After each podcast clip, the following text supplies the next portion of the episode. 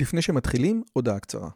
אם אתם אוהבים את הפודקאסט הזה, אתם כנראה אנשים ממש מיוחדים ומרתקים. אז אם בא לכם לפגוש עוד אנשים כמותכם, וגם אותי, וגם את רלי, אנחנו עושים מפגש עוקבים שלישי. ביום חמישי, בתאריך ה-9 למאי 24, בין השעות 7.5 ל-11.5, אנחנו הולכים לקיים מפגש עוקבים שלישי בבית שלי בנופים בשומרון. מה בתוכנית? מינגלין וכיבוד עם עוד עוקבים מרתקים כמוכם, הרצאה שלי, דיון לגבי הערוץ, ציור בסטודיו ובסוף קומזיץ ופיתות על הסאג'. הרשמה מראש היא חובה וניתן לעשות את זה בקישור שבתיאור הערוץ או לחפש את הלינק ביוטיוב. נשמח מאוד מאוד לראות אתכם. ועכשיו, לשיחה. קשה לדמיין סיטואציה שהיא יותר בהגדרה להשתין מהמקפצה מאשר פסק הדין של בג"ץ ביכולת שלו לבטל חוקי יסוד. עושה רושם שה... מה שנקרא הפרדת הרשויות, שיש רשות מחוקקת ורשות שופטת ורשות מבצעת, במהות שלה נפגמת ונפגעת בתוך הסיפור הזה. לכל הדברים האלה צריך להוסיף את העובדה שזה נעשה במחטף, ממש ממש מחטף. יש איזשהו מסמך שמודלף, ואנחנו באמת מגיעים למחטף, כולל מה שהשופטת חיות אומרת. כדי לדון בכל הסוגיות האלה, הזמנתי גם את, גם חבר טוב, שזה קודם כל, דבר שני, בעל פודקאסט על המשמעות, ועורך דין שמתעסק בנושאים האלה בצורה רצינית ופילוסופית, עורך דין תמיר דורטל. תמיר, ערב טוב, מה שלומך? ערב לא טוב. אנחנו בערב הראשון אי פעם במדינת ישראל כבר לא חיים בדמוקרטיה, ואולי זה מסכם את השיחה שלנו דהיום. אוקיי, okay, אבל, אבל, אבל לא חיים בדמוקרטיה, אבל עושה רושם שאנשים כמוך וגם קצת כמוני בימין, היית, הייתה להם תחושה כזאת במשך הרבה מאוד זמן. אני שאמרתי שכבר אני לא מתכוון ללכת להצביע, שההצבעות זה מיותרות, אבל עושה רושם שמשהו קרה במהלך הזה, והדבר הזה הוא משמעותי. אז לפני שאנחנו מגיעים לצדדים הפילוסופיים שלו, אולי פשוט נבין מה קרה. אם אתה יכול לשרטט לנו את השתלשלות העניינים מהמסמך שהודלף, שעמית סגל מפרסם, עד לפסק הדין שניתן היום. אז בעצם צריך להתחיל, אני חייב להגיד, לא שבוע שעבר או משהו בסגנון הזה, צריך להתחיל מפסק דין באגה מזרחי. בעצם הייתה לאהרון ברק תורה מאוד מאוד פשוטה וברורה, שאני חייב לומר, יש לה איזושהי אחיזה במציאות, זאת אומרת, גם אני כמשפטן שמרן, לא אומר שאהרון ברק חרטט את עצמו על הדעת, אני אומר, בסדר, אני יכול לקבל את מה שהוא אמר, וגם כל עוד אנחנו הולכים אהרון ברק של 1994 פסק דין בנק המזרחי, אני יכול לחיות עם זה כ- כמישהו שמאמין בדמוקרטיה כשיטת משטר שבסופו של דבר נותנת תוצאות טובות. מה הוא אמר? הוא אמר את הדבר הבא, הכנסת מינתה אותי, את בית המשפט העליון, לפסול חוקים שסותרים חוקי יסוד. ואם הכנסת תבחר בעתיד הנראה לעין או בעתיד הרחוק לשנות את חוקי היסוד, אז לא יהיה לי כבג"ץ מה לומר. זאת אומרת, אני לא יכול כמשפטן לבקר נורמות על סמך משהו עליון וגבוה ש- שלא נקבע בחוק. יש חוק יסוד, ועל סמך חוק יסוד אני מבטל את החוק. אם איבדנו 90% מהמאזינים בגלל ההסבר הזה, אז מה נעשה? אבל זה מה שאהרון ברק אמר. מה אמרו אתמול בפסק דין שפורסם ב-645, מועד לווייתה של הדמוקרטיה הישראלית?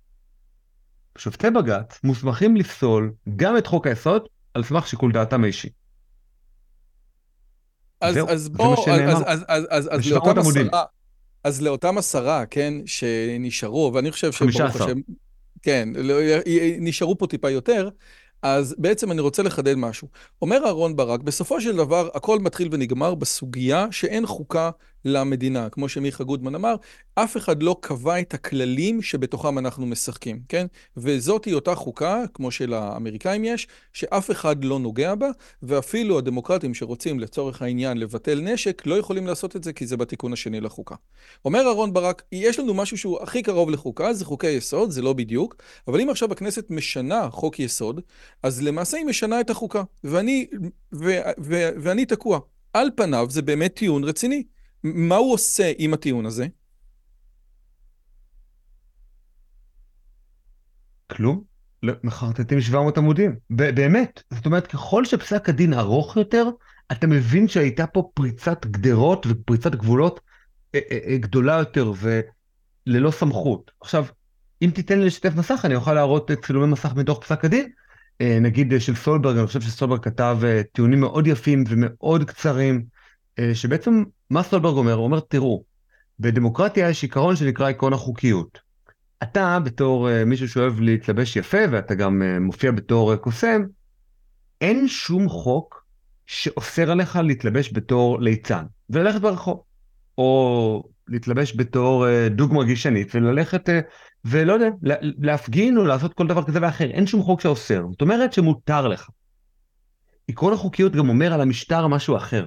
הוא אומר כל עוד המשטר לא הוסמך במפורש לבצע צעד כלשהו, אסור לו.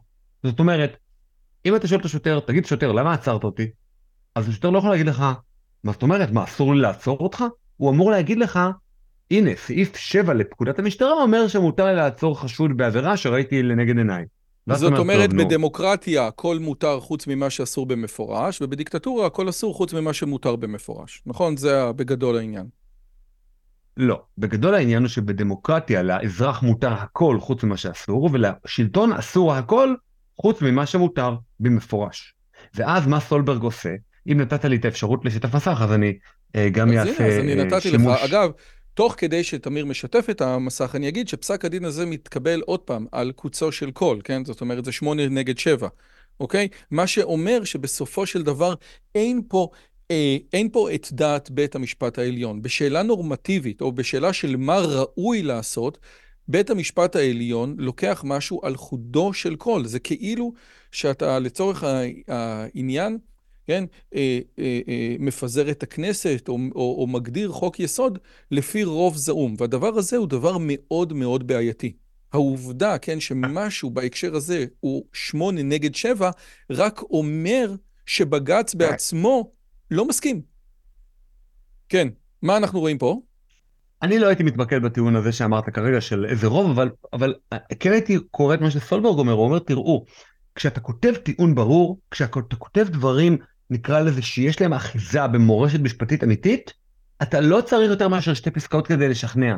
זה מה שיפה בסולברג, שהוא מתבסס על מורשת, היא לא מורשת משפט שמרנית, היא פשוט מורשת משפט. כל השאר, אה, כל ההמצאות האלה של ברון וחיות ופוגלמן, ומה אתם כותבים כל כך הרבה? מה אתם מדברים איתי על תיאוריות מתחום מדעי המדינה, מתחום זה? אגב, עוד מעט נגיע לברון, מכיוון שהיא מדברת דברים שהיא אה, בעצם אומרת שהאיום מבית יותר חמור מהאיום של חמאס, אבל נגיע אליה עוד רגע. כן. זה שווה למאמר מערכת בארץ. אין, אין חולק... תקריא בבקשה. כן, אז אני אקריא, כי בכל אופן. אגב, אם הגעתם עד לפה, אתם מוזמנים להירשם לערוץ שלי. אם אתם לא מכירים את אמיר, אתם מוזמנים גם להיכנס לערוץ על המשמעות, גם בפודקאסט וגם ביוטיוב, ואתם מוזמנים אה, להירשם ולעזור לנו ולקנות ספרים וכו' וכו'. אין חולק כי חוקי היסוד בישראל אינם מקנים סמכות מפורשת לבית המשפט לערוך ביקורת שיפוטית מהותית על חוקי היסוד. אין בחוקי היסוד כל הוראה... כן. זאת אומרת, אם אין סמכות מפורשת, אז אין סמכות. כי על פי עקרון החוקיות, כל מה שלא מותר במפורש לשלטון, אז אסור לו. ובנקודה הזאת, בהקשר הזה, בעברית פשוטה, בית המשפט, מכיוון שאין לו סמכות מפורשת, ולפי עקרון החוקיות זה אומר שאין לו סמכות, לא יכול להחליט שהוא מבטל חוקי יסוד. זאת הנקודה, נכון? הללויה. זהו, ואפשר לסיים את השיחה פה. כן? אוקיי, אז, אז בוא, בסדר, יש לי, יש לי עוד כמה דקות, הילדים עוד לא ישנים, אז בואו בוא אולי טיפה נתקדם. אין בחוקי היסוד כל הוראה בנוגע למגבלות כלשהן המוטלות על הכנסת בבואה לחוקק חוקי יסוד. ואין בהם כל הוראה מסמיך... כלומר, הכנסת מוסמכת כן. לחוקק, כי זה הסמכות שלה, ולא הוטלה שום מגבלה לכנסת בלחוקק. היא יכולה לחוקק איזה חוקי יסוד שהיא רוצה. זה הכל. ואין ביניהם... הררי, אם אתה רוצה ניגע גם בהחלטת כן, הררי, אבל זה עוד מעט. ואין ביניהם כל הוראה מסמיכה גוף שיפוטי כלשהו לרבות בית משפט זה לפסול חוקי יסוד או חוק יסוד. והדברים בעיניי פשוטים, נהירים ומובנים. ואולם, נוכח החשיבות הרבה שיוחסה לנושא בעתירות דנן, שבתי ועיינתי היטב בחוקי היסוד כדי להתרשם שמא נעלמה ממני הלכה, עיינתי ולא מצאתי. הדבורים ברורים ונחרצים. אין מקור סמכות המאפשר לבית משפט זה לדון בתוקפו של חוק יסוד, ובוודאי שלא לפסול אותו. בעצם הוא אומר, תקשיב, קשה לי להסביר משהו שהוא, כאילו, זה, זה פשוט ההגדרה של לא שפיט, נכון? זאת אומרת, הסוגיה הזאתי? כן. לא, לא שפיט זה נושאים, זאת אומרת, תחומים שבהם בג"ץ מוסמך, אבל הנושא לא שפיט. פה כל הספירה הזאת שנקראת חוקי יסוד וביטולם של חוקי יסוד, אין סמכות למעשה.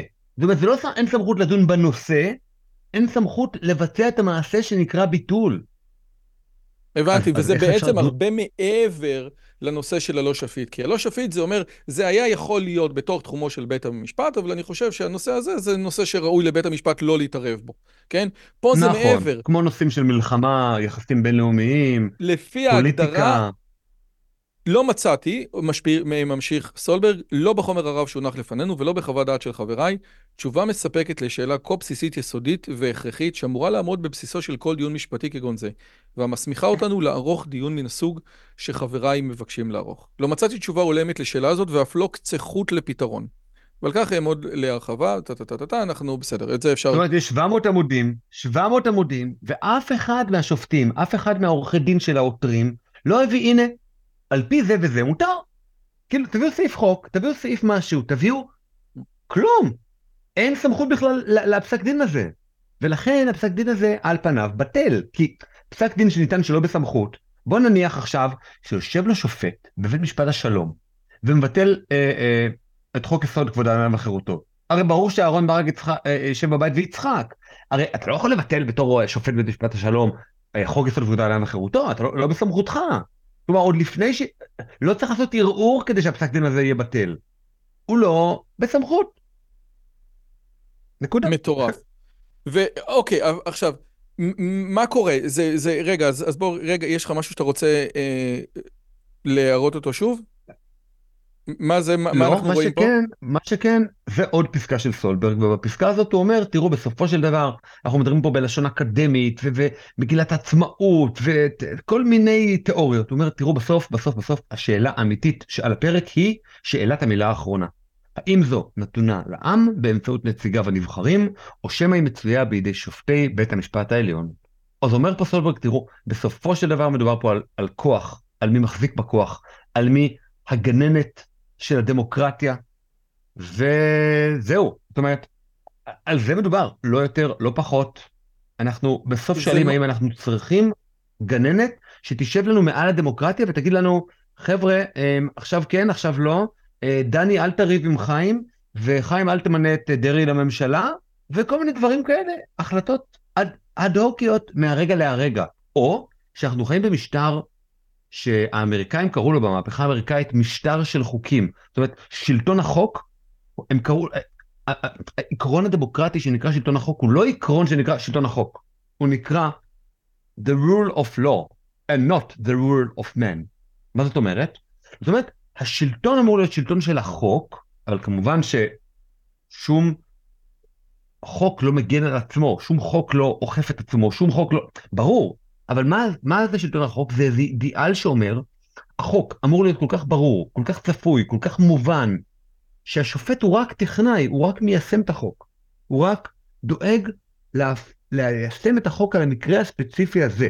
ברור שאסור לגרום נזק, אבל אם אתה דפקת את המכונית שלי מאחור, אז אולי אני גרמתי לך נזק בזה שבלמתי חזק מדי, אגב, אני, אני, אומר, אני, אני, אני תמיד ש, ש, שעולות הסוגיות של uh, שלטון החוק במובן הזה שהשופט הוא רק איזשהו טכנאי ובאיזשהו מקום לכאורה, כן, גם בתוך, מתוך העולם שלי AI היה יכול להחליף אותו, זה תמיד הפתיע אותי שגם במקומות כאלה עדיין השופט מקבל, וגם טוק, וגם, אתה יודע, בדיוק דיברנו אתמול, טוקוויל נותן לשופטים הרבה מעבר, כן? או הוא מדבר על השופטים הרבה מעבר לטכנאים שרק, אה, איך אומרים, לוקחים את החוק ומנסים לעשות לו את, אה, התאמה טכנית למקרה הפרקטי שיש בהם. זה לא בדיוק, אתה, אתה אני מצליח להסביר את עצמי? אתה, אתה מצליח, האמת היא, לפני שניגש לסוגיה הזאת, באמת האם השופט הוא טכנאי או לא טכנאי, תראה, כשאנחנו מדברים על דמוקרטיה, אנחנו לא מדברים על דברים שאפשר באמת להגשים במציאות. הרי שופט שהוא באמת באמת באמת רק טכנאי, זה צריך להיות מישהו עם ענווה גדולה, מישהו באמת שאין לו תאוות כוח, שהוא רואה מקרה בין אדם לחברו והוא רואה שהחוק גורם עוול, אבל הוא יגיד לא לא לא, אני רק שופט. אני לא בא לתקן את החוק או לגרום לזה שהחוק יהיה צודק. החוק הוא שהמחוקק, אני טכנאי. אין הרבה אנשים כאלה, במיוחד לא בחברה אה, דמוקרטית, פרוגרסיבית, או, או בחברה שבה יש אתוס שהשופט אמור לעשות צדק. עכשיו, שלטון החוק הוא אידיאל גדול, וגם שופט טכנאי הוא אידיאל גדול. אה, אומר על זה השופט אה, המנוח אוליבר ונדל הולמס, וגם השופט אה, סקליה ציטט אותו בספרו בשם החוק, הספר הצהוב הזה שיצא בהוצאת שיבולת, והוא אומר כזה דבר, הוא אומר, מתי אני יודע שאני שופט אה, טכנוקרט, שאני שופט אה, טקסטואלי? כשפסקתי שמותר לבזות ומותר לשרוף את דגל ארה"ב על פי החופש ביטוי שמעוגן בחוקה. למה? הוא אומר, כי אני רואה דגל האמריקאי נשרף, אני, הלב שלי בוכה. אבל ברגע שאני פוסק שמותר לשרוף את דגל ארה"ב על פי החוקה, אני יודע שלא השתמשתי ברגשות שלי על מנת לפסוק, אלא באמת הייתי שופט שנאמן לחוקה.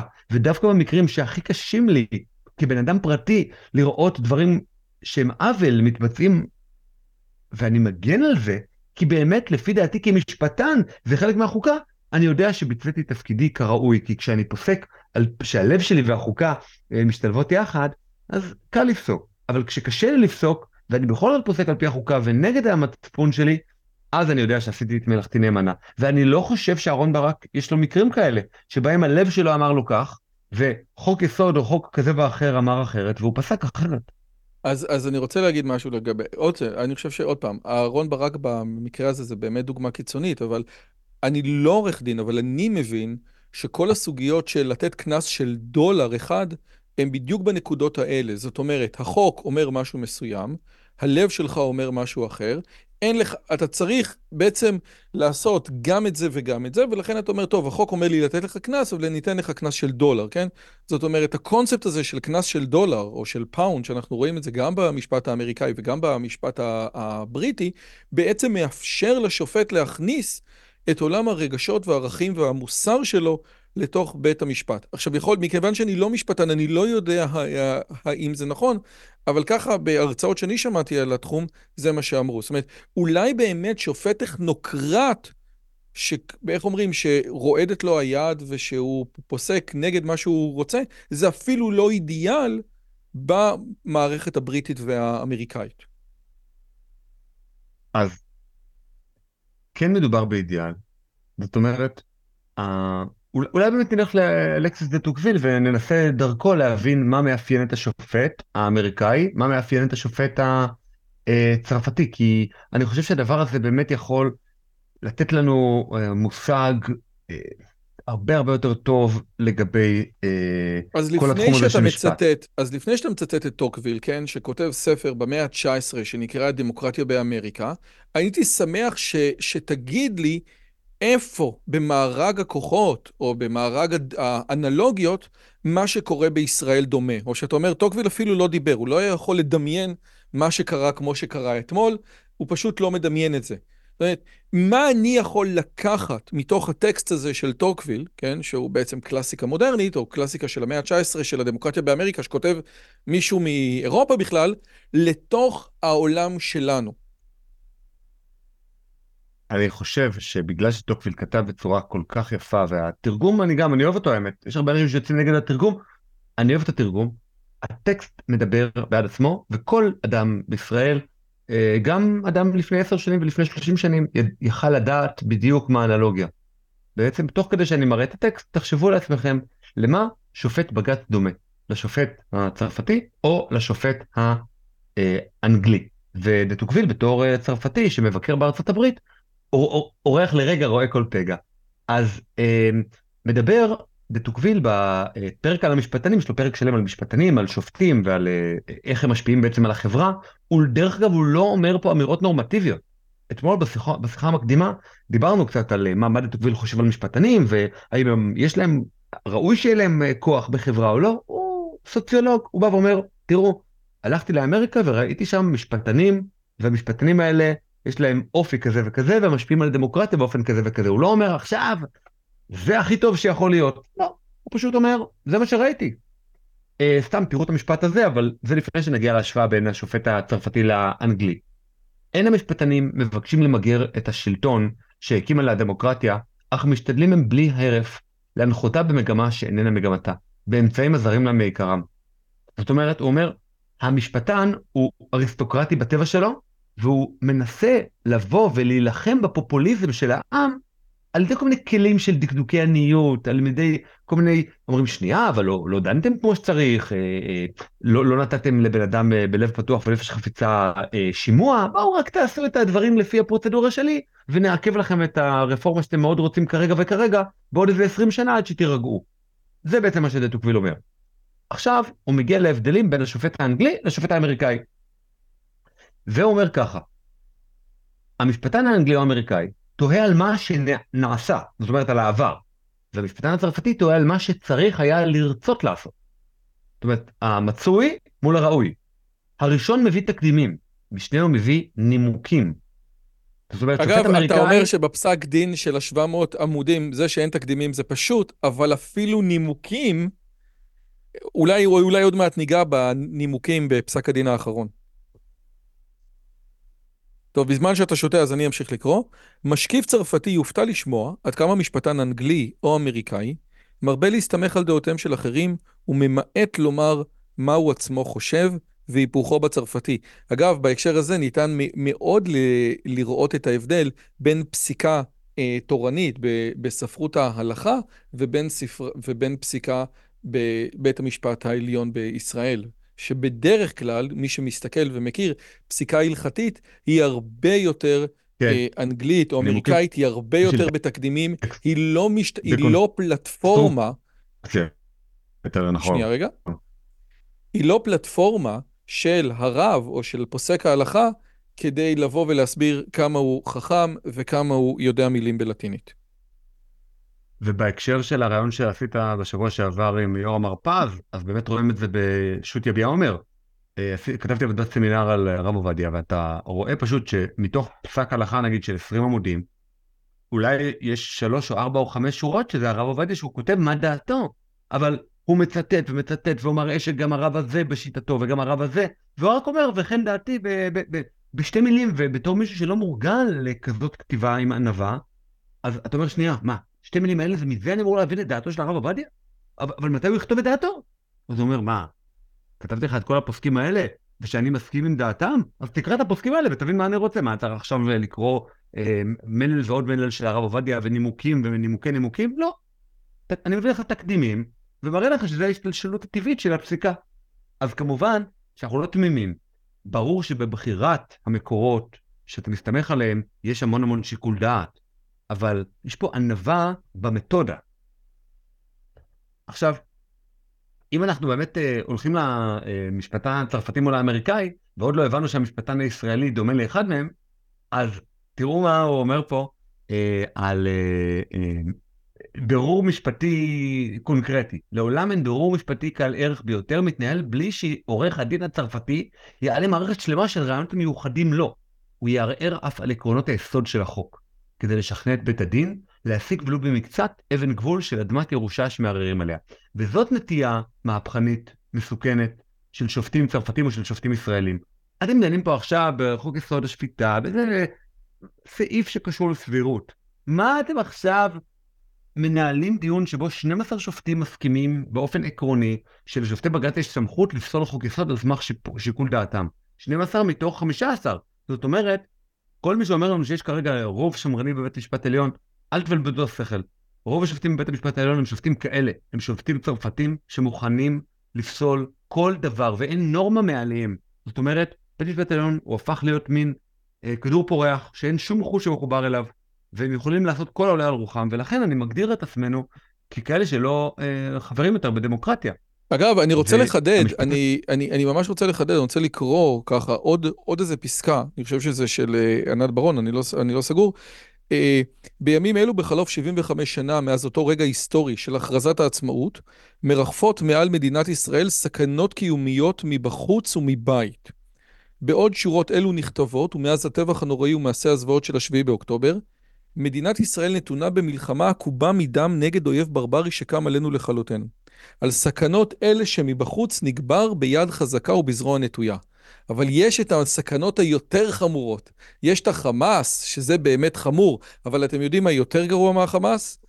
הסכנות מבית. הדמוקרטיה הישראלית נתונה בימים אלה זה, בסכנה זה, מבית. זה הסכנה. והיא מגולמת בתיקון לחוק יסוד השפיטה, שנועד להביא לשינוי משטרי יסודי במדינת ישראל.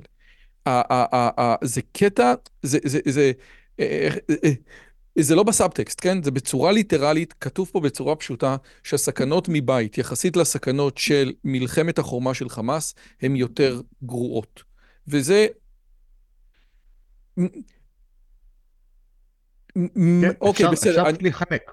כן, בסדר. אז, אז מה מעבר, נניח שהייתי צריך להיות פרקליט השטן, ושוב, אתה מדבר על עופר גרוסברד, אחד הדברים שלקחתי מהשיחה הזו, שהוא אומר, שמדור איפכא מסתברא, כן, הקלאסי של אמן, הוא לא רלוונטי, כי אתה לא יכול לשכנע בדבר שאתה לא משוכנע בו.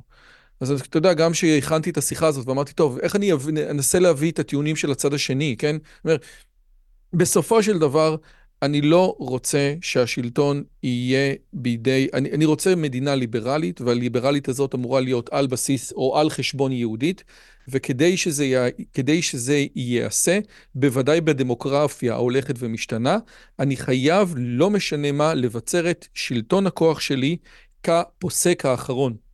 ואם לי, בתור הרשות השופטת, יש הרשות לבטל חוקים, כמו שנאמר, גם החוקים שלא מתבטלים, כל הזמן יודעים שיבוא מישהו בבג"ץ, והחוקים האלה צריכים לקבל את האישור של בג"ץ, אז המדינה ממשיכה להיות בצלמי ובדמותי. חוץ מזה, אתה יכול, יש עוד משהו שאני יכול להגיד לטובת שמונה השופטים שמביאים את פסק הדין הזה? אז אני רוצה להדגיש, לא מדובר פה בשמונה, מדובר פה בשנים עשר שופטים שקבעו שהיא סמכות עקרונית לפסול חוקי יסוד. אז למה, אני, אז למה כתוב ש... היה שמונה מול שבע? תראה, שמונה חוקים, שמונה שופטים אמרו שבשורה התחתונה של פסק הדין אחרי 700 עמודים צריך לבטל את אה, עילת הסבירות. 12 שופטים אמרו שבאופן עקרוני, אם יבוא חוק יסוד מספיק קיצוני, אז מותר לבטל. זאת אומרת, כולי עלמא, בבית המשפט העליון, חוץ משלושה שופטים צדיקים, אמרו שאין לבית המשפט העליון בישראל שום הגבלה. וזהו, הם יכולים לעשות מה שהם רוצים. כמובן במקרים כאלה ואחרים, חריגים כאלה ואחרים. מתי זה יגיע? מתי הם יחליטו שהסמכות הזאת חלה? לא יודעים. אבל שתבין, גם אם לא היו פוסלים אתמול את עילת הסבירות, היה פה בנק המזרחי. מה שקרה בשנת 1994, הם אמרו בסך הכל את הדבר הבא, תראה כמה עדין זה. ההפיכה השיפוטית של אהרן ברק, אהרן ברק חכם, והוא גאון פוליטי, ויש לו יחסי אנוש נהדרים, ובאמת הוא גאון, אי אפשר להגיד שלא. אני קראתי מאות פסקי דין, אולי אלפי פסקי דין של אהרן ברק, ומדובר באיש גדול ומשכיל ורחב אופקים, שיודע לכתוב ומשכנע אותך בכתיבה שלו. מדובר באמת בעילוי יוצא דופן. מה הוא עושה בבנק המזרחי? הוא אמר שבאופן עקרוני, לבית המשפט העליון סמכות לפסול חוקים על סמך חוקי יסוד. הוא לא ביטל שום חוק. כלום. רק אמר באופן עקרוני. מה אתמול קרה? שמונה שופטים אמרו כנגד שבעה שחוק היסוד שתוקן, הסעיף לגבי עילת הסבירות, בטל, אבל 12 שופטים החליטו שבאופן עקרוני מותר להם לפסול כל חוק יסוד. זאת אומרת, אתמול ברוב מוחלט. אל תבלבלו את השכל על רוב קטן. רוב מוחלט של בית המשפט העליון, 12 מול חמישה, מול אה, שלושה, אמר שמותר לבית המשפט העליון לפסול את החוקה עצמה. בשום דמוקרטיה אין אפשרות לשופטים לפסול את החוקה. זה לא קיים, חוץ מבישראל, ולכן ישראל היא כבר לא דמוקרטיה. עכשיו אם אתם לא רוצים את הטיעונים המפולפלים שלי, בסדר. לכו לקרל פופר. קרל פופר כתב את הספר החברה הפתוחה באויביה, ומכיוון והוא כתב את זה בשנת 1945, אז הוא לא הכיר את אהרון ברק ואת הפסיקות שלו, ולכן אפשר לקחת את ההגדרות שלו, ולנסות לראות אם אנחנו דמוקרטיה על סמך ההגדרות. והנה יש פה הגדרה, שוב, אני לא אוהב דברים ארוכים, אני אוהב לקרוא ספרים ארוכים, אבל הש... הדרכים לשכנע, אתה מביא פסקה, והיא מדברת בזכות עצמה. כן, אוקיי. כשכן אנחנו יכולים להבחין בשני טיפוסים עיקריים של ממשל. הטיפוס הראשון מונה ממשלות שיכולים אנו להיפטר מהם בלי שפיכות דמים. למשל, בדרך של בחירות כלליות. רוצה לומר, המוסדות החברתיים מספקים את האמצעים שבהם הנשלטים יכולים לפטר שלישים. ואילו המוסדות החברתי, המס, המסורות החברתיות מבטיחות שמחזיקי השלטון לא יהרסו, לא יהרסו בנקל את המוסדות האלה. עם הטיפוס השני נמנות ממשלות שאין השליטים, שאין הנשלטים יכולים להיפטר מהם כי אם בדרך של מהפכה מוצלחת. רוצה לומר, לרוב אינם יכולים להיפטר מהם כלל. אני מעלה את המונח דמוקרטיה כתווית של קצרנות לממשלה מן הטיפוס הראשון, ואת המונח רודנות או דיקטטורה, או דיקטטורה לטיפוס השני. אגב, יובל שטייניץ, שכותב את ההקדמה לחברה הפתוחה ואויביה, אה, יש לך את החברה הפתוחה ואויביה בשלוף? זה הפתוחה, זה החברה הפתוחה ואויביה? לא, ודאי. יש לך את, ה, את ההקדמה. אז ודאי, בהקדמה... מה השאלה? כן, הנה, אז ב... מה, אז, מה אז, תרצה, אז מה ב... תרצה אדוני? אז, אז ב, בעמוד האחרון, או ב, בכמה שורות האחרונות של ההקדמה, של, של, נכון. של ההקדמה של שטייניץ. הוא, הוא אומר את הדברים הבאים. כן, או, מכאן מסיק פופר. רגע, לך למטה עוד קצת. לא, למעלה, הנה פה. זה. מועצת גדולי המשפט, פה הוא מדבר על בג"ץ. כן. כן, לא, אבל הסוף שלו, הסוף של ההקדמה זה שאומר, מכאן מסיק פופר, לך עוד למטה, לך עוד למטה, או, הנה. מכאן מסיק פופר. כי השאלה המרכזית בדמוקרטיה היא שאלה שאפלטון, הגל ומרקס, ועימם כל המתלהבים ממוסדות שלטוניים שאינם עומדים לבחירה ולפיטורים בידי הציבור, כמו, מו, כמו מועצות של חכמי תורה ומשפט, לעולם לא ישכילו להבינה. שהרי לשאלה הישנה, מי צריכים להיות השליטים, צריך להקדים תמיד את השאלה החשובה בהרבה, כיצד נוכל לפטר אותם. וזה מה ששטייניץ כותב, אני חושב שזה הסיכום היפהפה של החברה הפתוחה ואויביה, ששטייניץ הצליח באמת לתפור לתוך משפט אחד מקסים. ושוב, האם, אם אתה יכול רק לעשות סיום של שיתוף מסך, שאני אוכל לראות את הפרצוף היפה שלך? כן, מה שאני רוצה, אני רוצה רגע, מכיוון וטקסטים לא באמת מדברים בזכות עצמם, אז בוא נסביר רגע את העניין הזה. פופר אומר דבר מאוד פשוט. דמוקרטיה היא לא משטר של זכויות אדם. והיא לא משטר של מוסדות, ולא משטר, משטר שיש בו רשות מחוקקת ורשות מבצעת והפרדת רשויות ועקרון שלטון החוק והכרעת הרוב וכל מיני דברים. עזוב, יש דבר מאוד מאוד פשוט. האם הנשלטים יכולים לפטר את השליטים ללא שפיכות דמים? זה הכל. עכשיו, ישראל תמיד ידעה שגם אהרן ברק הסכים לזה דרך אגב ב-94 בפסק דין בנק המזרחי, שהכנס, שהממשלה בעצם עומדת לפיטורים כל שלוש, כל ארבע שנים על ידי הציבור. והציבור יכול, אם הוא מספיק נמאס לו מהממשלה ומהכנסת, יכול לפטר אותם. ולכן זה מה שהופך את ישראל לדמוקרטיה. עכשיו, בג"ץ מה אומר, החל מאתמול בערב מ-6.45, מי שקובע את החוקים במדינת ישראל, או מי שיש לו וטו, מי שיש לו את זכות המילה האחרונה, זה בג"ץ. את בג"ץ העם לא יכול לפטר. ולכן, לפי פופר, ישראל כבר לא דמוקרטיה. כי רגע, אז אני רוצה, לא שנייה רגע. את השליטים. אז, אז אני רוצה רגע לחדד איזה משהו. הרי גם בדמוקרטיות האמריקאיות, שופט בית משפט העליון נבחר לכל החיים, ואחרי השימוע האיום ונורא שעושים לו גם בסנאט, בקונגרס, הוא לכל החיים. אני רוצה כאילו להתעכב על הנקודה של העובדה ששופט מסוים נבחר לכל החיים, והוא לא עומד לבחירה חוזרת once הוא הגיע להיות שופט בית המשפט העליון, ובין הנקודה שפומפר או ששטייניץ מדבר אליה, איך אנחנו נוכל לפטר לא במובן של השופט האישי, אוקיי? כי עוד פעם, כי גם במערכות, כן, ש, שלא מישהו י, י, יקשיב לשיחה ויגיד, רגע, אבל על מה הם מדברים?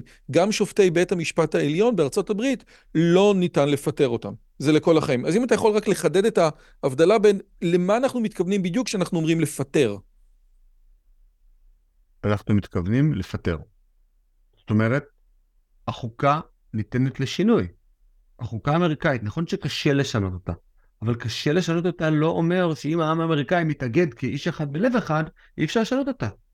נכון, לפעמים זה דרש מלחמת אזרחים, בשביל לגרום לשינוי הזה בעם האמריקאי, אבל שאר השינויים היו בלי מלחמה. רק האמנסיפציה של העבדים הייתה עם מלחמה, אבל החוקה האמריקאית שונתה לאיסור על אלכוהול, ואז לזה שאלכוהול הוא מותר, והיא נתנה זכות בחירה לנשים, והיא הפכה את uh, משרת סגן הנשיא מכזה שנבחר מקום שני לכזה שנבחר יחד עם הנשיא, והיא שינתה כל מיני דברים כאלה ואחרים. הוסיפו מגילת זכויות, אז נכון, החוקה לא שונתה בחמישים שנים האחרונות. אז מה? אבל עדיין העם האמריקאי, אם הוא מספיק רוצה, הוא יכול לשנות את החוקה. והשופט שופט על פי החוקה. וזה מה שיפה. עכשיו, לו יצוין אפשר להגיד גם טיעון נגד לזה. ש, ש, חוקה משוריינת היא לא דמוקרטית. יכול להיות שפופר, ואולי אני, יגיד, תראה, חוקה עם כל כמה שזה נחמד וטוב, שיש לנו משהו בס, אה, בסיס יציב ולהתחבר אליו, ויצירת ודאות בין המוסדות, וקביעת הגבולות של כל אה, מוסד ומוסד, יגיד על זה טוב ג'פרסון, אסור שתהיה חוקה עם תוקף למעל 20 ו-30 שנים. זאת אומרת, מי אנחנו, האנשים של 1776, שנשלח יד מהקבר ונגביל את הנכדים של הנכדים שלנו? מה, אנחנו יותר חכמים מהם? מה, אנחנו מכירים את המציאות האמריקאית בעידן פוסט-תעשייתי אה, יותר טוב מהם? אנחנו מכירים את האתגרים הבינלאומיים של להיות מעצמה? מי אנחנו בכלל? אנחנו בסך הכל כמה, חו... כמה חוואים ולכן... שמבינים מדעי המדינה. ולכן אנדרו ברייברט אמר שהאבות המייסדים הבינו את, הסיק, את, ה, את הנקודה הזאת, ולכן החוקה האמריקאית לא עוסקת במה צריך להיעשות, אלא באיך הדברים צריכים להיעשות. זאת בדיוק הנקודה. עכשיו, נניח שאני מסתכל על מה שקורה עכשיו, אני אומר, אוקיי, כנראה שהבעיה היחידה, בעצם שופטי בג"ץ מנסים להגיד לנו, תעשו חוקה, כן? אבל האם זאתי דרך, האם זה בעצם, אה, אה, האם לא, מי שעכשיו אומר לעצמו... אה, יש חוקה. הם אומרים שיש חוקה כרגע. פסק דין בנק המזרחי אומר, חוקי היסוד הם חוקה. וזה הכל. זאת אומרת, מה עשו? שוב, אני, תסלח לי, אני משפטן, אז אני כל הזמן משתף מסך, ואני ממסמך את עצמי, אני לא רוצה לדבר על זה מהראש, ואני לא רוצה זאת ש... זאת אומרת, מעולם בהיסטוריה האנושית המודרנית, שופט לא, לא נגע בצורה ברורה בחוקה. לא אמר, תקשיב, יש לי אפשרות לבטל חוקה.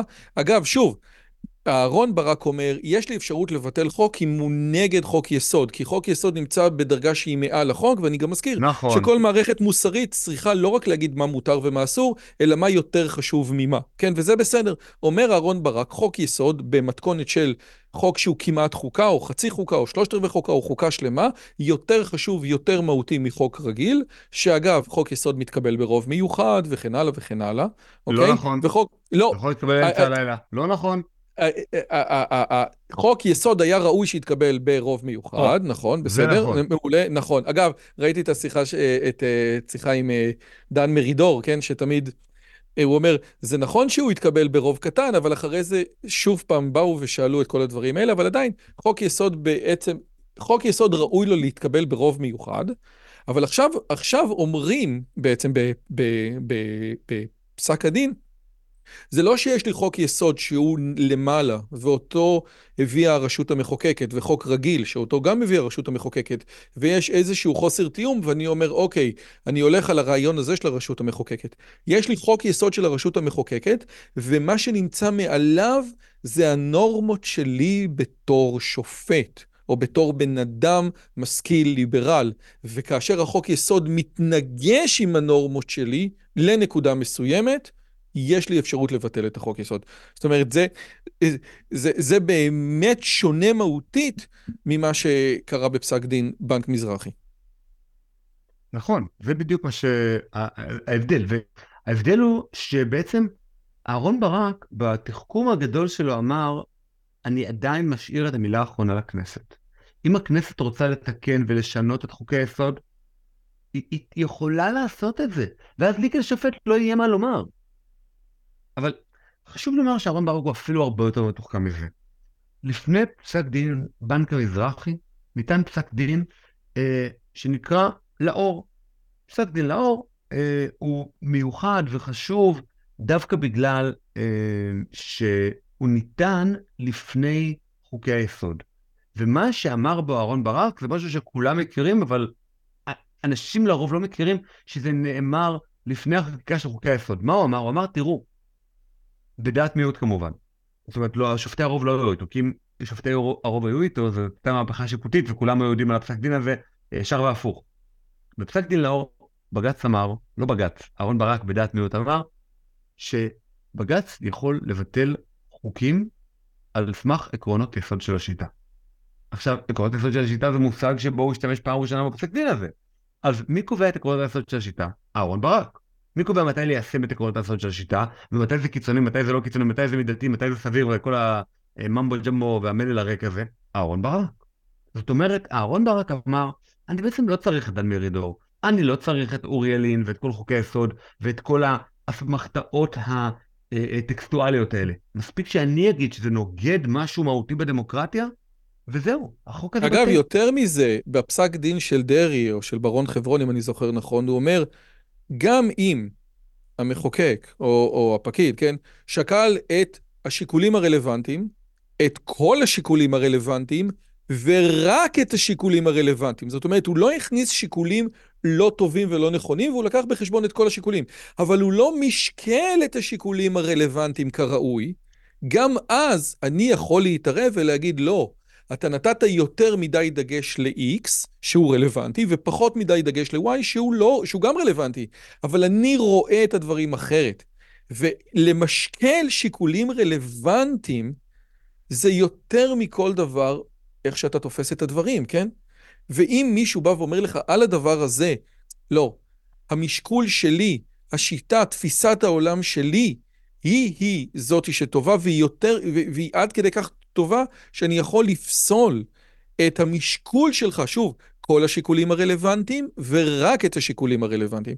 אבל אם, אם מה שקורה פה, זה מה שאני מבין ממך, עושה רושם שבהיסטוריה של המהפכה המשפטית או החוקתית או הדיקטטורית שאתה מתאר פה, לאסתר חיות יש תפקיד אולי יותר גדול מאהרון ברק, או אם תרצה, היא בעצם נתנה את, את המסמר האחרון בארון הקבורה. הרי, הרי היא בעצם עושה משהו שהוא הרבה יותר משמעותי על פניו.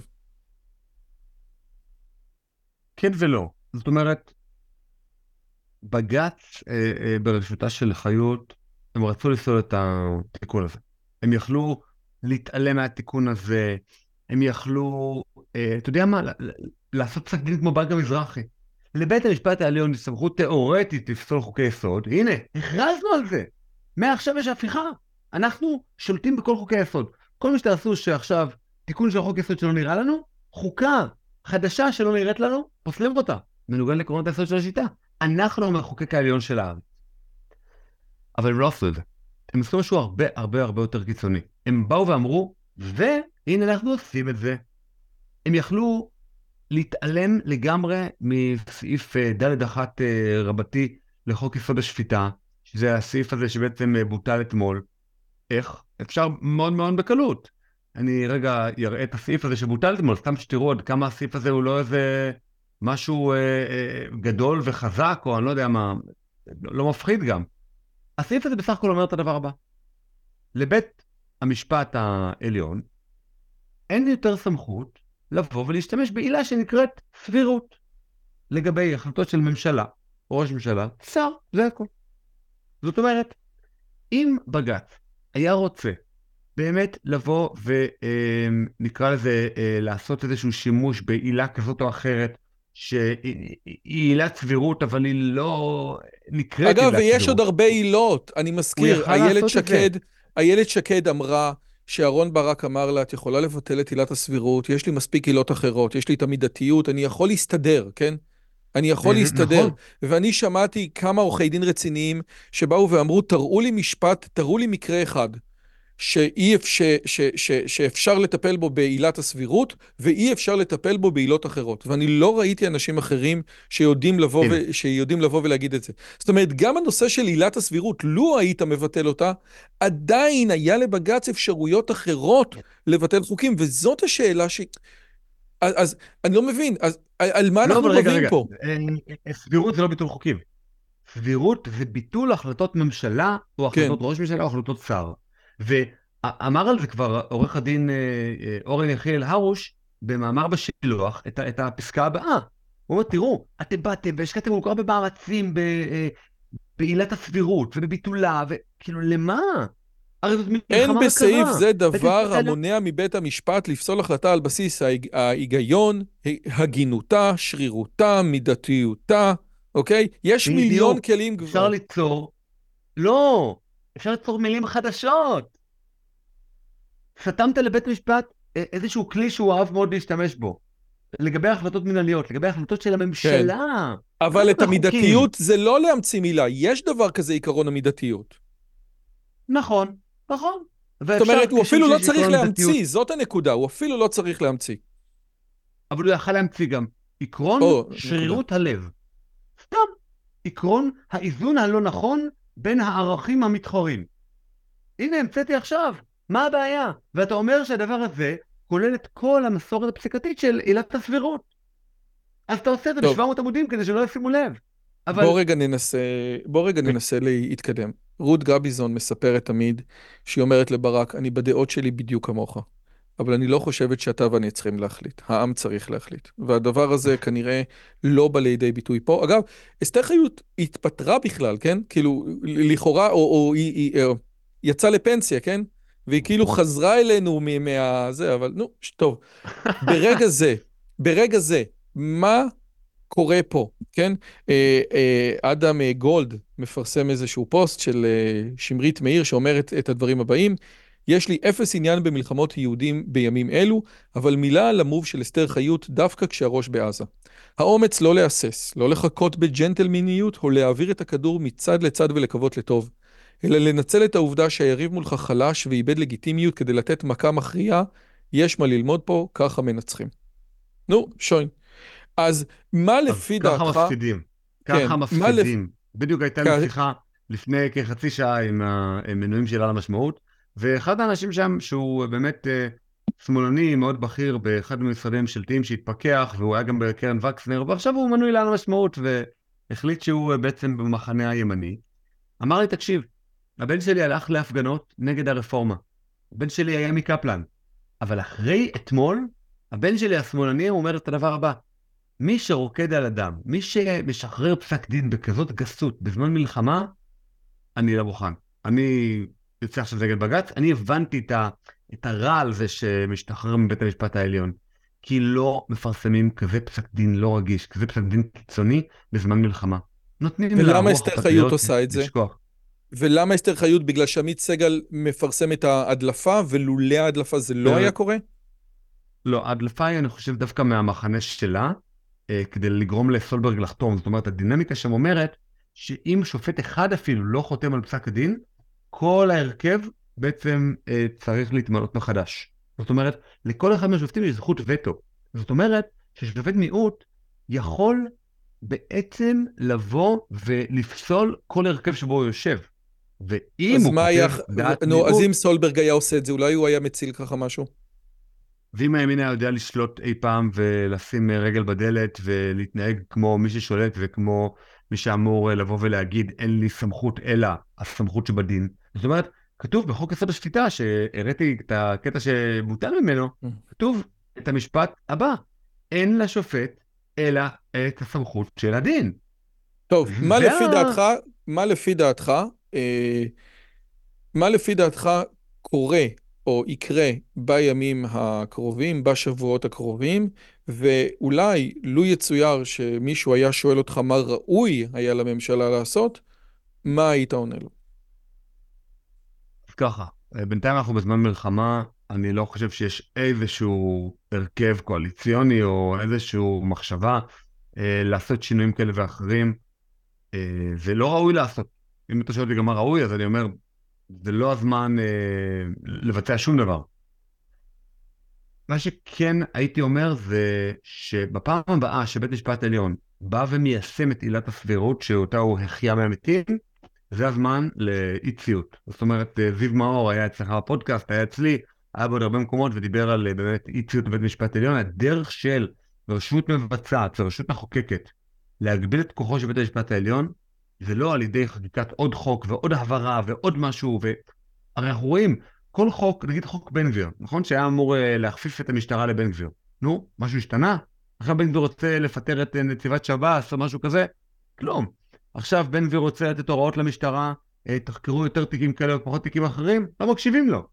הדרך של רשות מבצעת לבצע דברים או להגביל את כוחו של בית המשפט, זה לא על ידי חקיקת חוקים שאומרים לבית המשפט, נו נו נו, אתם לא מוסמכים עכשיו לדון בעילת הסבירות, או אתם לא מוסמכים לדברים כאלה ואחרים. היא על ידי אי ציות לבית המשפט. נכון, אבל כשזיו, אבל כש... שנייה רגע, אבל כאשר זיו מאור מדבר על אי ציות ונותן דוגמאות מארצות הברית, הוא נותן דוגמאות שהן מלחמת אזרחים. צריך גם להגיד את זה. זאת אומרת, אין לא אי נכון. ציות, אין אי ציות שאומר, אתה יודע, זה, זה, זה, הדוגמאות שהוא נותן, זה לא דוגמאות שעברו, ב, אה, שעברו חלק. חוץ ממלחמת האזרחים, היו שם עוד כמה, זה לא דוגמאות שעברו חלק. זאת אומרת, בן אני... אדם או שלטון ימין צריך לדעת, מה אתה חושב, שאי ציות זה, זה משהו שיגיד, אה, ah, אוקיי, אז, אז, אז כן הימין שולט, אז טוב, כנראה טעינו? דבר ראשון צריך לבחור את הדוגמה הזאת של האי ציות טוב, טוב, טוב. זאת אומרת, לא על כל החלטה קיקיונית של בית משפט אה, מחוזי בשבתו כבית משפט עניינים מנהליים לפסילת מכרזון קטן של איזה מיליון שקל, צריך לעשות אי ציות. להגיד, לא, אנחנו מתקשרים עם, הזוכ... עם הזוכה. אגב, גם צריך לא להגיד שבית המשפט לא משתמש בעילת הסבירות על בסיס יומיומי. זאת אומרת, זה גם דבר שהוא חשוב להגיד משני הצדדים, לא? זה לא שעל כל דבר שלא מתאים לא, לו, הוא לא אומר נכון. לא. לא, בית משפט אה, משתמש בעילה הזאת על בסיס יומיומי, אמנם לא, אה, אין החלטות ממשלה כל יום, אין, אבל, אבל החלטות של שרים על בסיס יומיומי. על בסיס יומיומי הטענה הזאת נטענת בבתי משפט, מתקבלות החלטות, וחוץ מזה, כמו שאנחנו יודעים, הרבה מאוד מפסקי הדין, או הרבה מאוד מהעניינים שמגיעים בפני בית משפט לעניינים מנהליים או בג"ץ, לא נסגרים בכלל על ידי פסק דין, נסגרים, ב... אומרים לעורכי דין, תצאו החוצה, תסגרו את זה. נגיד מישהו בא ומבקש אה, משהו, בקשה לנשק. אז הבית משפט העליון עכשיו, או בית משפט לעניינים מנהליים, לא רוצה עכשיו לכתוב פסק דין. מי צריך לכתוב פסק דין של 20-30 עמודים, ועכשיו, אתה יודע, לשרוף כל כך הרבה שעות עבודה? אתה אומר למשרד לביטחון פנים, תקשיבו, נראה לי שלבן אדם הזה הוא, הוא יקבל איזה פסק דין, נראה לי אולי לטובתו. חבל שתובכו, חבל שיהיו הוצאות. תצאו החוצה, אני מאמין שתוכלו להסתדר. הם יוצאים החוצה, אני עבדתי בבית המשפט העליון, יוצאים החוצה, מדברים, חוזרים בבית המשפט אחרי חמש דקות, אומרים, טוב, החלטנו שאנחנו מסכימים לזה שהוא יקבל אקדח. אוקיי? אז אני כותב עכשיו בסיכום, במין פשרה, אוקיי, מה זה משרד לביטחון פנים יביא לו אקדח. זהו, בלי פסק דין, בלי כלום. זאת אומרת, רוב ההחלטות של בית המשפט העליון בכלל לא מתקבלות בפסקי דין, הן מתקבלות בניהול שוטף כזה של הצדדים, וברמיזות אה, יותר חזקות וברמיזות יותר מרומזות לצדדים. ואולי זה מה שצריך לעשות בבית אי ציות בבית המשפט העליון, שהוא ישתמש פעם בעילה הזאת שהוא העלה מהאוב. אבל דבר נוסף ש... שאפשרי, בתקציב המדינה הבא אפשר, אתה יודע, לעיין את התקציב של בית המשפט העליון לאפס תגיד. להגיד אין לנו כסף לעוזרים משפטיים, אין לנו כסף למדפסות. בעצם מי ששולט בארנק והחרב זה הכנסת. אם הכנסת לא תיתן תקציב בבית המשפט העליון, סתם עוד רעיון שאני זורק כאן לאוויר, יש מלא דרכים מוסדיות להילחם בשררה הזאת שבית המשפט העליון לקח לעצמו. אבל באמת יכול להיות שהדרך הכי נכונה היא לחכות או לממשלה שתהיה כאן אחרי המלחמה, או לבחירות הבאות, ולעשות קואליציה חוצת מגזרים של שמאל וימין, כי הרבה מאוד גם במרכז מבינים שמה שקורה פה בבית המשפט העליון זאת השתוללות מופרזת, במיוחד לאור אתמול. וברגע שכל העם, או, או חלקים נכבדים מהעם, לא איזה מחנה סרוג דתי יצא לרחובות, אלא יצאו לרחובות גם אנש, חלק מהאנשים של קפלן שהבינו שבג"ץ השתולל אתמול בצורה מופרזת, ואז על ידי בריתות כאלה ואחרות שחוצות את ה-cross the aisle, אפשר יהיה לעשות הסכמות שבג"ץ יהיה חייב לקבל. כי האמון בבית המשפט העליון הולך ויורד. אנחנו כבר מגיעים לאחוזי אמון פחות מ-40 אחוז. ואם המגמה הזאת תמשיך, והיא תמשיך... שאם, אתה בעצם אומר שממשלת, אה, ממשלת אחדות לאומית, כן, או, או, או ממשלה רחבה, שתבוא ותגיד לבית המשפט, אנחנו לא מוכנים לדבר הזה, זה לא יכול להימשך, אה, תחייב את בית המשפט להתאפס. ושוב, שוב, גם, אני מזכיר, גם ממשלה כזאת לא רוצה, אה, אה, זה אמור להיות מאוד מאוד עדין, כי ש, השמאל שהוא לא רוב, והוא הולך ונהיה קטן יותר ויותר, לא רוצה לתת לימין, או לימין הדתי, את, ה, את, את האפשרות שליטה. מה עוד שחלק מהנושא הזה, כן, כפי שזה בא לידי ביטוי בתקשורת לגבי כספים של הקהילה, של הציבור החרדי, בין אם זה נכון ובין אם זה לא נכון, מרגישים הרבה פעמים שהוגדשה הסאה. זאת אומרת, יש פה גם בתוך הסיפורים האלה כל מיני טענות. אני חושב שכאשר אתה דיברת עם רוזנאי, ואתה נגד, אה, או, או רוזנאי היה נגד הרפורמה ואתה היית בעד, הטענות שהביא רוזנאי היו טענות מעניינות. בסופו של דבר הוא אומר, תקשיב טוב, אני חושב שכמה טענות הוא הביא, אבל הטענה המרכזית היא, תעשה מה שאתה רוצה, תחליט מה שאתה רוצה. אתה רוצה שבשביל להיות מנכ"ל משרד ממשלתי צריך תואר ראשון, או צריך תואר שני, תחליט את זה. אבל תלך עם ההחלטות שלך. והרבה דברים, והרבה דברים שאנחנו רואים בהתנהלות הישראלית ברמה של הכנסת, הם דברים של חוק, אתה יודע, אני עושה פה חוק, אני מסדר לך, אני משנה. זאת אומרת, הכנסת לא לוקחת את החוקים שלה ברצינות, כן? הוא נתן את הדוגמה של אחד שלא היה בכיסא שלו בזמן ששאלו אותו שאלה, אז הוא ביקש להתפטר. אני לא יודע האם המקרה הזה זה בפרלמנט באנגליה. זאת אומרת, עושה רושם שבתוך המגרש של האשמים האלה, הכנסת עם ההתנהלות האד-הוקית שלה והפלסטרים שלה וחוסר הכבוד שלה לחוקים והעובדה שזה מחוקק וזה מחוקק וזה עכשיו מחוקק איזה חוק שבדיוק הוא צריך לסגור איזה פינה בשביל משהו קואליציוני, בעצם גם הביאה את זה על עצמה. והיה אפשר לעשות הרבה מאוד חוקים פשוטים. זאת אומרת, כל חוק שאתם הולכים לחוקק, יהיה תקף רק מהכנסת הבאה. זו דוגמה שרוזנאי הביא, שאני חושב שהיא דוגמה שבעצם אומרת, אי אפשר לחוקק חוקים פרטאץ', כן? אתה מקבל את הביקורת שלו? אני מקבל את הביקורת שלו רק אם נכיל אותה רטרואקטיבית על חוק יסוד כבוד האדם וחירותו וכל מיני חוקים כאלה. אוקיי, מהרגע שהוכרז שזה חוקה, בוא נקבל את זה החל מהכנסת הבאה, לא הכנסת הבאה, כלומר מ-94 ל-98. בכנסת הבאה של 2028 או משהו כזה. זאת אומרת, אי אפשר להגיד, תראו, אנחנו חוקקנו את חוק יסוד כבוד האדם וחירותו, וזו חוקה ליברלית כזאת שאין בה שום יסוד יהודי, ואז אמ, אם אתם רוצים לאזן את זה על ידי חוק יסוד הלאום, או אה, ביטול עילת הסבירות, הדברים האלה, השינויים האלה של הימין, זה מהכנסת הבאה. זה עד עכשיו לא חל, עד עכשיו זה לא היה סטנדרטים, עד עכשיו אף אחד לא דיבר על זה. זאת אומרת, אני כמשפטן, או אני כשמרן, כמי שאמון על המסורת הזאת, אומר, שנייה, עד עכשיו זה לא היה ככה. פתאום עכשיו, בגלל שהימין הוא רוב ולימין יש 64, אתם אומרים לא, לא, לא, כנסת הבאה, אה, רוב של 70, רוב של 90, מאיפה הדברים האלה באו? כשאתם רציתם לעשות הסכם גז עם לבנון, אפילו לא הבאתם את זה, עזבו למשאל עם, לא הבאתם את זה לכנסת. למה? כי לפיד אמר והיועמ"שית אישרה לו שזה בסדר. כנסת לעומתית, לא... כנסת לעומתית. טירוף כן, מוחלט. כן, האופוזיציה מתנהגת בצורה לעומתית. כאילו שיש אופוזיציה שלא מתנהגת בצורה לעומתית. אולי בגין כזה, אגב, אני רוצה רק להגיד שהגדרת המילה אופוזיציה זה לעומתי, כן? כאילו, to oppose, להתנגד. כן, האטימולוגיה היא לעומתית. טוב, אה, תמיר, קודם כל, יש משהו שאפשר להגיד ש... אה, אותך? אז אתה קולע בול הרגשות שאני מרגיש בשלושה חודשים האחרונים. גם המלחמה הזאת הולכת למקום אה, בעיניי מאוד מאוד אה, תבוסתני, בפרימטר ביטחוני כזה שמקיף את אה, עזה, אולי ניקח להם איזה 100, 200, 300, 500 מטר, אולי יש כמה מוצבים בתוך עזה, ואולי נעשה פשיטות נוסח חומת מגן, אבל אנחנו נחזיר את השלטון כנראה לחמאס. ככה נראה שהדברים הולכים, ממי שקורא ומי ששומע את ראש הממשלה ושר הביטחון בימים האחרונים רואה את הירידה מהדיבורים, נקרא לזה, ההחלטיים, שמדברים על הכרעת חמאס, וכבר הם לא אמרו את זה איזה חמישה-שישה ימים, הם רק מדברים על, אנחנו לא מתקפלים. אוקיי, אז, אז בואו תגידו, הכרעת חמאס, תגידו את זה שוב. בואו תפסיקו לספק דלק. למה מספקים דלק כאילו אנחנו באיזה הפסקת אש? בקיצור, אגב, דלק אף אחד לא אוכל. לא טוב. דלק אף אחד לא אוכל, אבל אני בתור מי שהיה בכמה פרויקטים אה, של תשתיות אה, בכמה מאות מיליונים ובכמה עשרות מיליונים, אני יודע בתור מי שראה את כתב הכמויות של אותם פרויקטים של תשתיות, בכל פעם שאתה אה, חופר חניון, ולך יש עשרות אלפי מאזינים, אז בואו תתקנו אותי.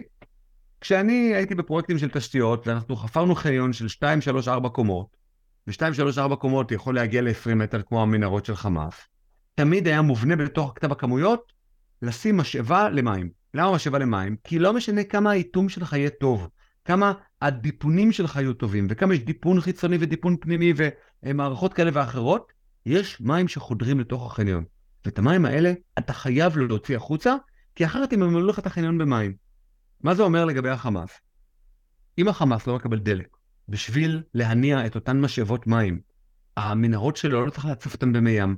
מי הים חודרים בקרקע חולית של עזה, כמי תהום, כמים שחודרים מהצד. כל אחד שחפר בור קטן אה, בים עם המשפחה שלו בגיל ארבע וחצי, יודע כשאתה חופר, אז הבור לאט לאט מתמלא במים, כי המים מחלחלים. אבל אם אין לך משאבה, המנהרות שלך פשוט מוצפות. ולכן, אם אנחנו חפצי חיים ואנחנו רוצים שחמאס יושמד, צריך להפסיק עם הדלק.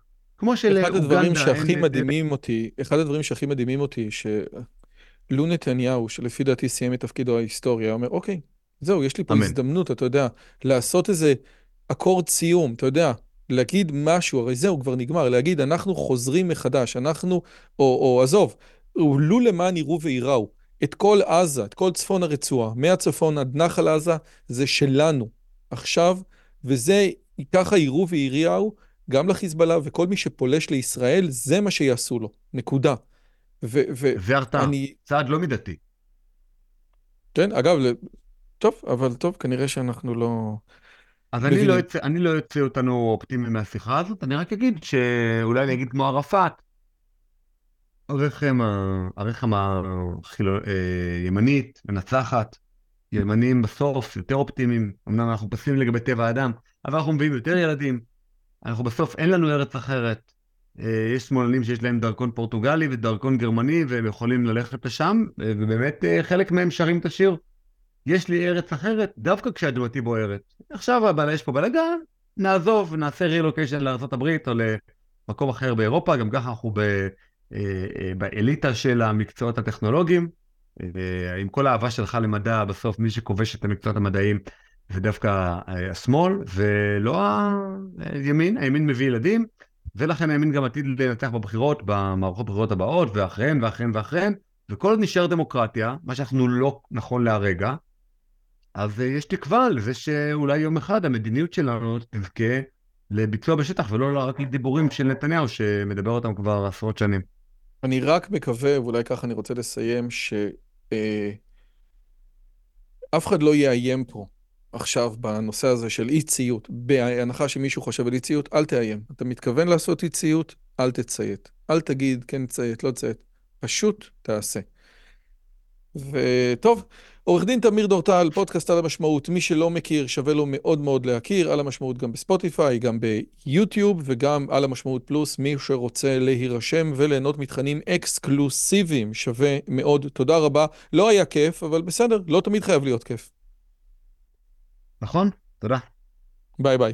אז זה היה עורך דין תמיר דורטל. אם נהניתם מהשיחה והגעתם עד לפה, כל הכבוד לכם. יש לנו עוד המון המון תכנים. כנסו לדף הבית שלי ביוטיוב, כנסו לספוטיפיי, אתם יכולים לדרג אותנו, יש לנו עוד המון המון דברים. אם אתם רוצים לתמוך בנו, יש לכם כמה דרכים לעשות את זה. אתם יכולים לעשות super, super thank you ביוטיוב ופשוט לתת כסף, אתם יכולים לעשות את זה דרך פטריון. אם אתם רוצים לעשות משהו אחר, אתם מוזמנים ל- לרכוש את הקורסים שלי. יש לי קורס על בינה מלאכותית, ויש לי קורס על הצלחה בלימודים. הקורס בינה מלאכותית הוא כל הדברים שאתם צריכים לדעת, בייחוד בתור סטודנטים לגבי בינה מלאכותית. כל הפרטים נמצאים גם בתיאור הסרטון. עד השיחה הבאה, אני מקווה שיהיה לנו טוב. שבוע טוב לכולם.